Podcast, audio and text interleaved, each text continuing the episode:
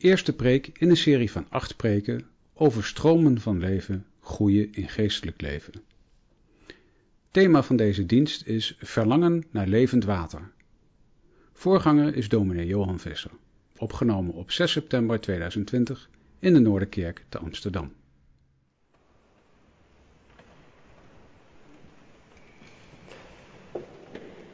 We beginnen vanavond aan een serie verdiepingsdiensten met de titel Stromen van Leven. Over geestelijk leven of zoals dat vandaag heet, spiritualiteit. En om erin te komen uh, is het vanavond een soort van inleiding. En dat beeld van levend water en dorst hebben, dat is denk ik een heel krachtig Bijbels beeld om te begrijpen waar het over gaat. En we lezen twee gedeelten, een paar versen uit het Evangelie van Johannes. En, eh, maar eerst uit de profetieën van Ezekiel, hoofdstuk 47. Het profetenboek eindigt met een hele beschrijving van de nieuwe tempel. En uit die tempel komt water. En daar lezen we van Ezekiel 47. En daarna bracht hij, dat is een engel, mij terug naar de ingang van het huis, de tempel. En zie, er stroomde water uit. Van onder de drempel van het huis naar het oosten. Want de voorkant van het huis lag naar het oosten. En het water stroomde naar beneden onder de rechterzijde van het huis ten zuiden van het altaar. En vervolgens bracht hij mij naar buiten via de noorderpoort en leidde mij buitenom rond naar de buitenpoort in de richting die naar het oosten gekeerd is. En zie, uit de rechterzijde borrelde water. En toen de man naar het oosten naar buiten ging, was er een meetlint in zijn hand. En hij mat duizend el, ongeveer 500 meter, en liep mij door het water gaan. En het water kwam tot de enkels. En hij mat weer duizend el en liet mij door het water gaan en het water kwam tot de knieën. Toen mat hij weer duizend el en liet mij er doorgaan en het water kwam tot de heupen. En nog eens mat hij duizend el en het was een beek waar ik niet door kon gaan, want het water was heel hoog.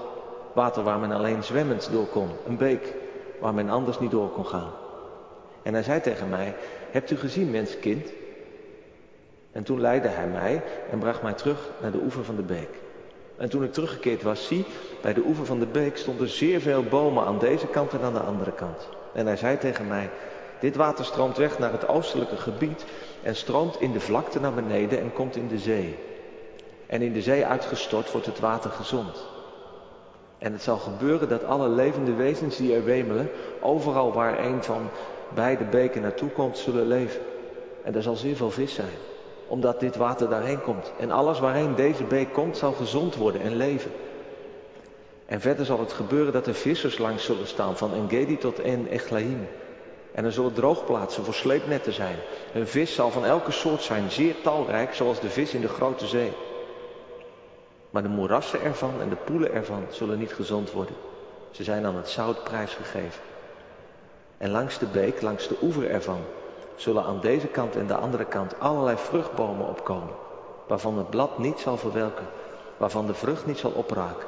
Elke maand zullen ze nieuwe vruchten voortbrengen, want het water erdoor, ervoor stroomt uit het heiligdom. En de vrucht ervan zal tot voedsel dienen en het blad ervan tot genezing. Tot zover de lezing uit het Oude Testament en dan lezen we uit Johannes 7 twee versen een paar woorden van Jezus die gaan over water, waar ergens deze profetie ook in doorklinkt die we net hebben gelezen. Johannes 7, vers 37.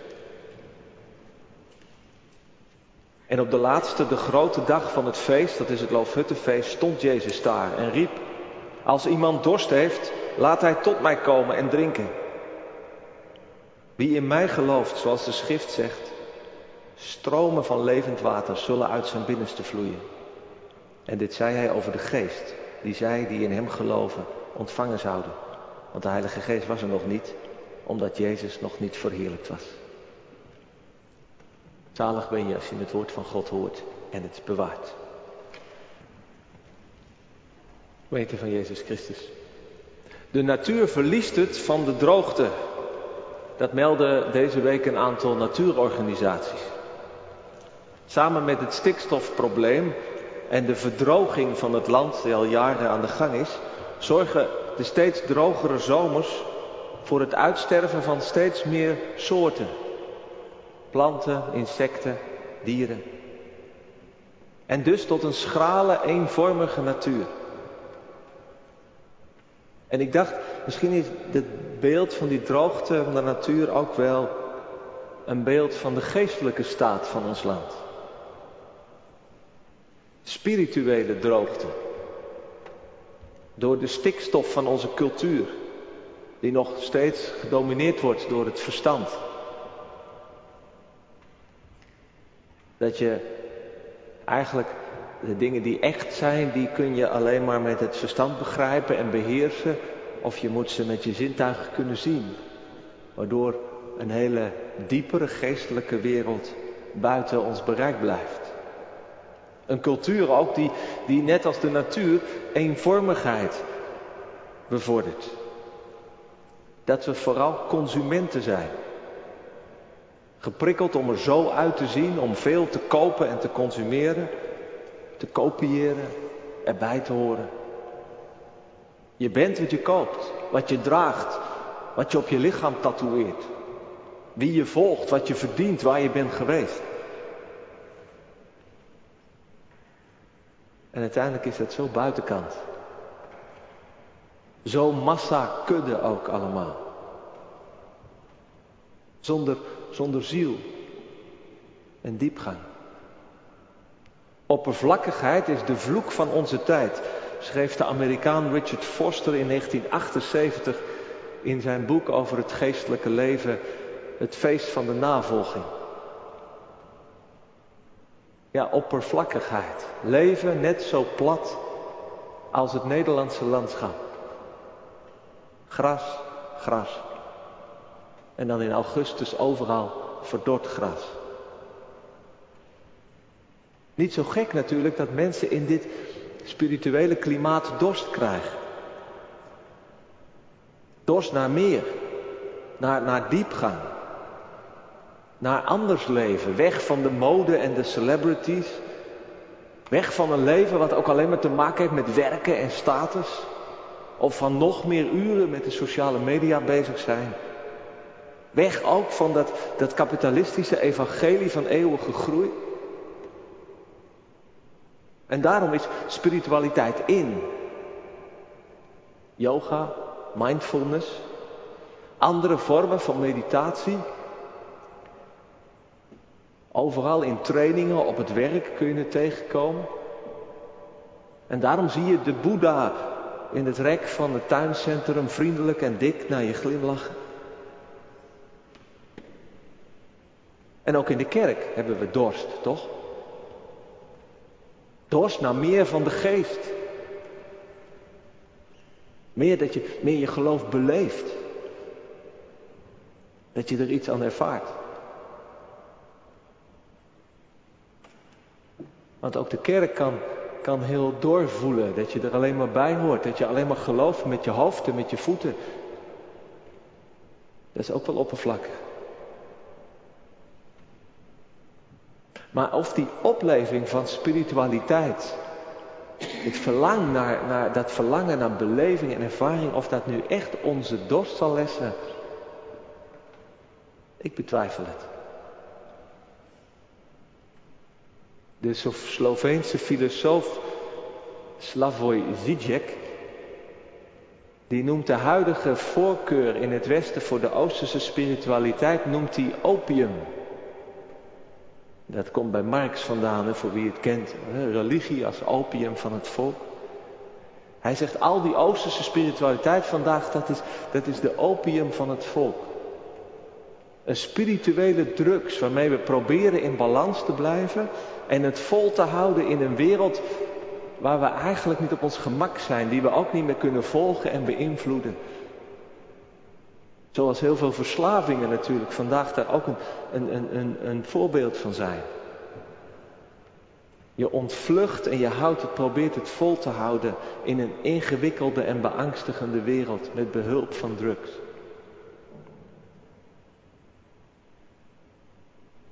En het verlangen naar meer in de kerk, naar de Heilige Geest, hè, vaak in charismatische en, en, en, en, en pinksterkringen, En in, denk ik, in heel veel kerken een verlangen naar meer van ervaring en spiritualiteit is vaak ook wel een beetje het zoeken van, ja, van, van die drugs. Dat ook wij rust en troost willen ervaren. Of juist een beetje energie en spanning willen krijgen in het geloof. Zodat we het volhouden in een leven wat druk is. In een geloof wat, met een geloof wat ingewikkeld kan zijn. En dat in balans zoeken te zijn, dat is natuurlijk nodig. Om het vol te houden, dat begrijp ik ook. En het verlangen naar ervaring is, is, is, is niet slecht natuurlijk. Maar de dorst blijft wel. Omdat we uiteindelijk daardoor niet echt in aanraking komen met dat water dat uit de bron van God stroomt. We blijven toch binnen onze eigen beleving en ervaring. Soms alleen maar binnen, binnen wat spirituele technieken. En vaak ook binnen de sfeer van de consumptie.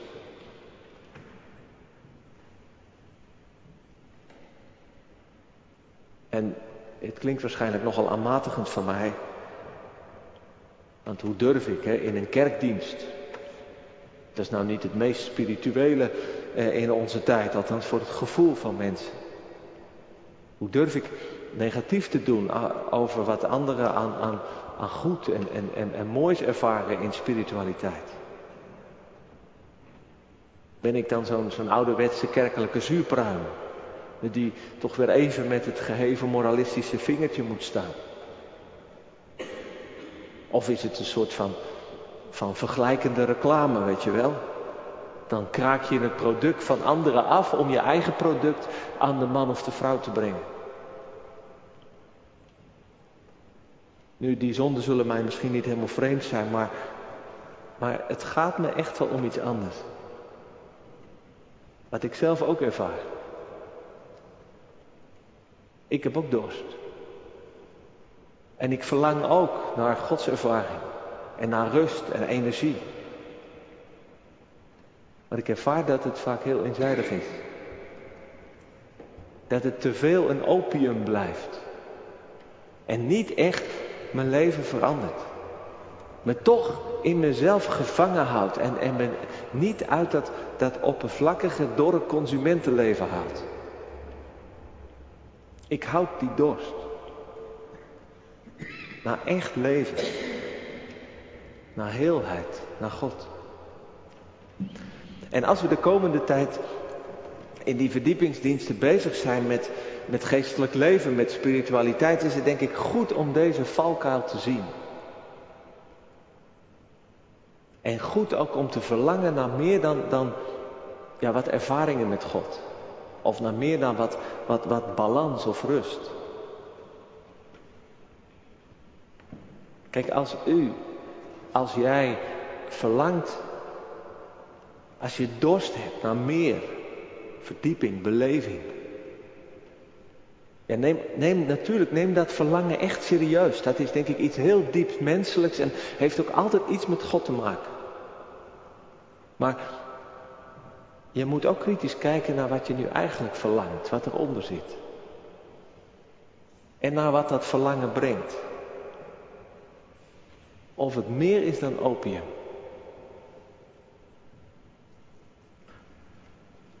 We hoorden in het evangelie Jezus roepen. Als iemand dorst heeft, kom bij mij en drink. Wie in mij gelooft, zoals de Bijbel zegt, stromen van levend water zullen uit je binnenste vloeien. Jezus staat in de tempel. Op de laatste dag van het feest, het Loofhuttenfeest, Sukkot. Dat was in de Bijbelse tijden het grootste van de drie pelgrimsfeesten. Zeven dagen lang was het groot feest in de tempel. Met offers, met zang, met dans, met licht, met water. En elke dag was er een ceremonie waarbij de priesters een gouden kruik met water naar de tempel brachten. Die daar onder gejuich en zang bij het altaar werd uitgegoten. U zult met vreugde water scheppen uit de bronnen van het heil, werd er dan gezongen naar, met een woord uit de profetie van Jezaja. Het water. Als beeld van, van heil, van redding, van leven. Het water uit de rots in de woestijn waarmee, waarmee God zijn, zijn volk Israël in leven hield. En ook de het water uit, uit de bronnen van het land en uit de wolken. Dat, dat groei en vruchtbaarheid had gegeven. Waardoor ze nu dat oogstfeest, het Loofhuttenfeest konden vieren.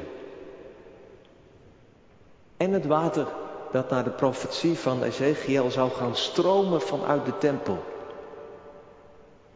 De plek van Gods aanwezigheid, hè, waar God is, naar het oosten. En het land genezing en vruchtbaarheid zou geven.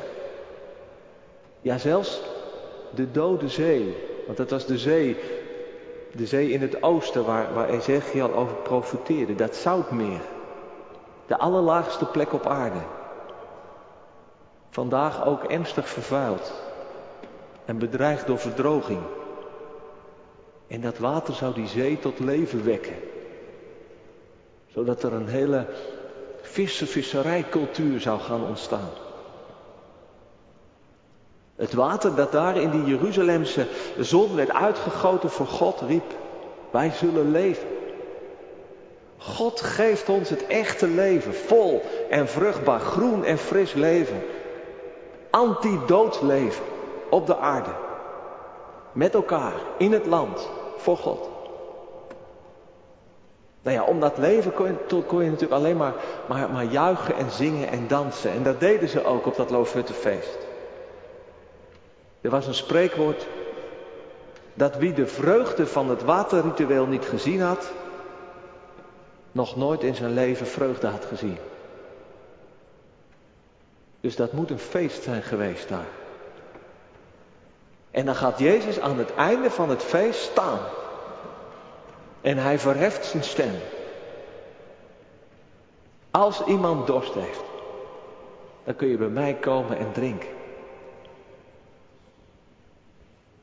Hij is de bron waaruit dit levend water stroomt. Hij is de tempel, de plek van Gods aanwezigheid. En hij geeft mensen die dorst hebben levend water, waardoor je nooit meer dorst krijgt. Zoals hij eerder heeft gezegd tegen de Samaritaanse vrouw. Met haar rommelige leven bij de Jacobsbron. Uit hem stroomt dat water van God dat genezing brengt. En groei en vruchtbaarheid. Dat zelfs de meest dode en zoute plekken en mensen tot leven kan wekken. En je hoeft alleen maar te komen. En te geloven in Hem. In de zin van je toevertrouwen aan Jezus. Dus christelijke spiritualiteit, dat is niet iets esoterisch. Iets mysterieus. Vanmorgen zei iemand eh, nog tegen mij na de dienst, oei, spiritualiteit, nou daar heb ik niet zoveel mee. Nou, daar kan ik wel iets bij voorstellen. Als je eraan denkt dat dat iets, iets esoterisch, mysterieus is of zo. Het is ook niet iets voor ingewijden. Voor de uitverkorenen. Dat heb je misschien wel meegekregen. Voor een bepaalde groep mensen die, die spiritueel begaafd is of aangeraakt wordt door God. En het is ook niet een soort van techniek. Heel veel spiritualiteit vandaag, buiten, buiten de kerk, dat is net zoiets als naar de sportschool gaan. Dan ga je niet alleen met je lichaam, maar je gaat met je lichaam en je, en je geest of, of je ziel. Nou, in het christelijk geloof is het gemakkelijker. Simpeler en tegelijk moeilijker. Want je kunt gewoon komen. Zo simpel is het. Zonder oefeningen, zonder techniek, zonder matje, zonder legging. Met lege handen het liefst. En tegelijk is het lastiger. Want je moet met jezelf komen. Helemaal. Niet met een spiritueel blokje van je leven. Je hebt je leven en dan moet je ook nog iets aan, aan, aan, aan God of geestelijke dingen doen. Niet met je hogere of je diepere zelf. Dit is altijd zo'n mooie uitdrukking, hè? ergens hopen we of denken we dat we een soort dieper zelf hebben, dat dan beter zou zijn dan het gewone zelf waar we mee rondsjouwen op aarde. Nee, kom zelf.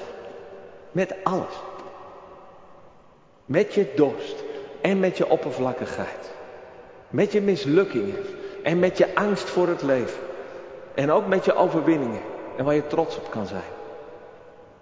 Met je trofeeën en je beerput. Met je make-up. En met je naakte zelf. Kom bij mij, zegt Jezus. Zo simpel is het. Maar kom dan helemaal als je dorst hebt naar het leven. En, en Jezus die belooft dan niet in de eerste plaats rust. Of balans of, of inzicht. Hij zegt hier niet eens dat je geen dorst meer zal krijgen. Hij belooft iets anders. Stromen van levend water zullen uit je binnenste vloeien. En Johannes de Evangelist zegt erbij, dit was de Heilige Geest, om het ons even duidelijk te maken. Dus van binnenuit in uw leven, bij mij, bij jou, van binnenuit gaat dat water van het leven stromen. Wordt Jezus een bron in je leven en dat gaat naar buiten. Zoals Ezekiel dat water onder het altaar vandaan zag stromen. Ik vind het eigenlijk wel een machtige belofte van Jezus. Jezus is niet alleen de bron van leven waar, waaruit je mag drinken. Als je verlangt naar vergeving of, of troost of een beetje moed in het leven. En die bron is niet alleen iets voor de kerk. Ik hoop dat de avondmaalsviering van vandaag dat het even weer zo'n bron is. Dat je met, je met, met je dorst en je verlangen in het leven en alles wat er speelt, dat je bij Hem mag komen. En dat je daarin ook iets van, van vrede en kracht en helderheid ontvangt. Maar die bron is natuurlijk meer dan alleen de kerk of je stille tijd of, of, of een retraite of een conferentie waar je, waar je weer kan opladen. Dat hebben we nodig. Zeker. Altijd weer momenten of, of, of, of manieren waardoor je ook bij die bron kan komen. Om dat levend water ook echt te drinken. Maar Jezus belooft dat je leven ook zo'n zo'n bron zal worden. Dus een klein tempeltje waaruit dat water stroomt. De geest, de spirit, de spiritus, die zal vanuit je binnenste stromen als, als levend water dat genezing brengt. En dat leven laat groeien. Moet je even nadenken hoe dat eruit ziet. U, jij, als een bron van water. Op je werk. Met je collega's, met je klanten, met je patiënten, met je leerlingen. Met je medestudenten. Of thuis met je kinderen of met je ouders of je kleinkinderen. Op je verdieping waar je woont in de straat, in je appartementencomplex. Tussen je vrienden en vriendinnen in de pauze. Of op PlayStation of, of, of, of Facebook of Insta. Dat daar iets van dat, van dat water van God gaat, gaat stromen. Uit jou, door jou heen. Wij hebben de neiging om spiritualiteit en geestelijk leven, om dat, om dat wat te laten zweven. En sommigen die haken dan af, die zeggen dat is mij te zweverig, past niet bij mij. En anderen verlangen daar juist naar. Even alles loslaten. En echt even tot rust komen of helemaal in de Heer komen. Maar daar is het God niet echt om te doen. Volgens mij is God maar matig geïnteresseerd in geestelijke ervaringen en openbaringen. En ik bedacht mij, misschien geeft hij er daarom ook niet zoveel van. Dat hij er maar matig in geïnteresseerd is. Ja, soms zijn ze nodig, dat, dat weet ik ook wel, om onze ogen te openen Om ons eens even wakker te schudden dat er, dat er meer is dan alleen maar ons, ons, ons eigen leventje. Of soms om, om ons even een arm om ons hart te leggen als we het nodig hebben. Maar waar hij zeker wel in geïnteresseerd is, is dat wij levend worden. Waar het vanmorgen over ging, dat onze levens vrucht dragen, 30, 60, 100 fout. In de liefde voor Hem, voor elkaar, voor onszelf. Dat zijn leven dat Hij heeft gegeven in onze levens gaat groeien en stromen. Juist ook de woestijn in. Dat vind ik mooi van dat, van dat visioen van Ezekiel. Het gaat tot in de dode zee.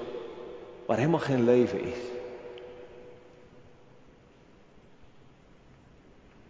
Dat daar leven kan komen. En misschien voel, voel je jezelf al zo dood. Of zijn er mensen om je heen waar zo weinig leven in zit. Zo zout of zo zuur. Nou, misschien kun je een bron zijn waar dat levende water, dat genezende water van God doorheen kan stromen. En, en daar is God echt in geïnteresseerd, want daar, daarom heeft Hij alles gegeven. Zijn zoon tot aan het kruis. Een gebroken lichaam, vergoten bloed. En zijn geest tot in, de, in, in onze rommelige levens en onze lege, vermoeide zielen. Zodat daar zijn leven kan gaan, gaan wonen en wij tempels worden. Waar, waarin hij werkt. En ook kan gaan stromen. Nu, voor dat gebeuren, dat je leven een bron wordt van dat leven van God, heeft God niet een toverstaf. Dat zou ik soms wel eens willen. In één keer, wauw, leven. Maar zo werkt het niet bij God. Zo werkt het niet in het leven, zo werkt het niet in deze schepping. Maar hij nodigt ons uit om bij hem te komen. En, en geestelijk leven, of noem het spiritualiteit, of hoe je het noemt. Dat is eigenlijk niet meer dan, dan manieren om te komen. Om je leven te openen en te ontvangen. Want, want dit leven, de geest van God, dat is een geschenk. Die kun je godzijdank niet kopen, niet verdienen, ook niet met, met spirituele technieken oproepen. Je kunt alleen maar je handen ophouden en je leven openen en verlangen. En geestelijk leven is de manier om dat te doen. En het is de manier om om dat leven te laten stromen. Vanuit je binnenste naar buiten. Het land in. De stad door. Tot in de Dode Zee. Nou, over die manieren, want er zijn in de, in de christelijke traditie dus, dus heel veel verschillende stromingen gekomen waar, van geestelijk leven, waar, waardoor, waardoor dat leven van Jezus in ons kan komen en ook weer kan gaan stromen. Over die manieren gaan we de volgende keren verder. Een praktische dan. Maar voor nu alleen nog maar de vraag of je dorst hebt.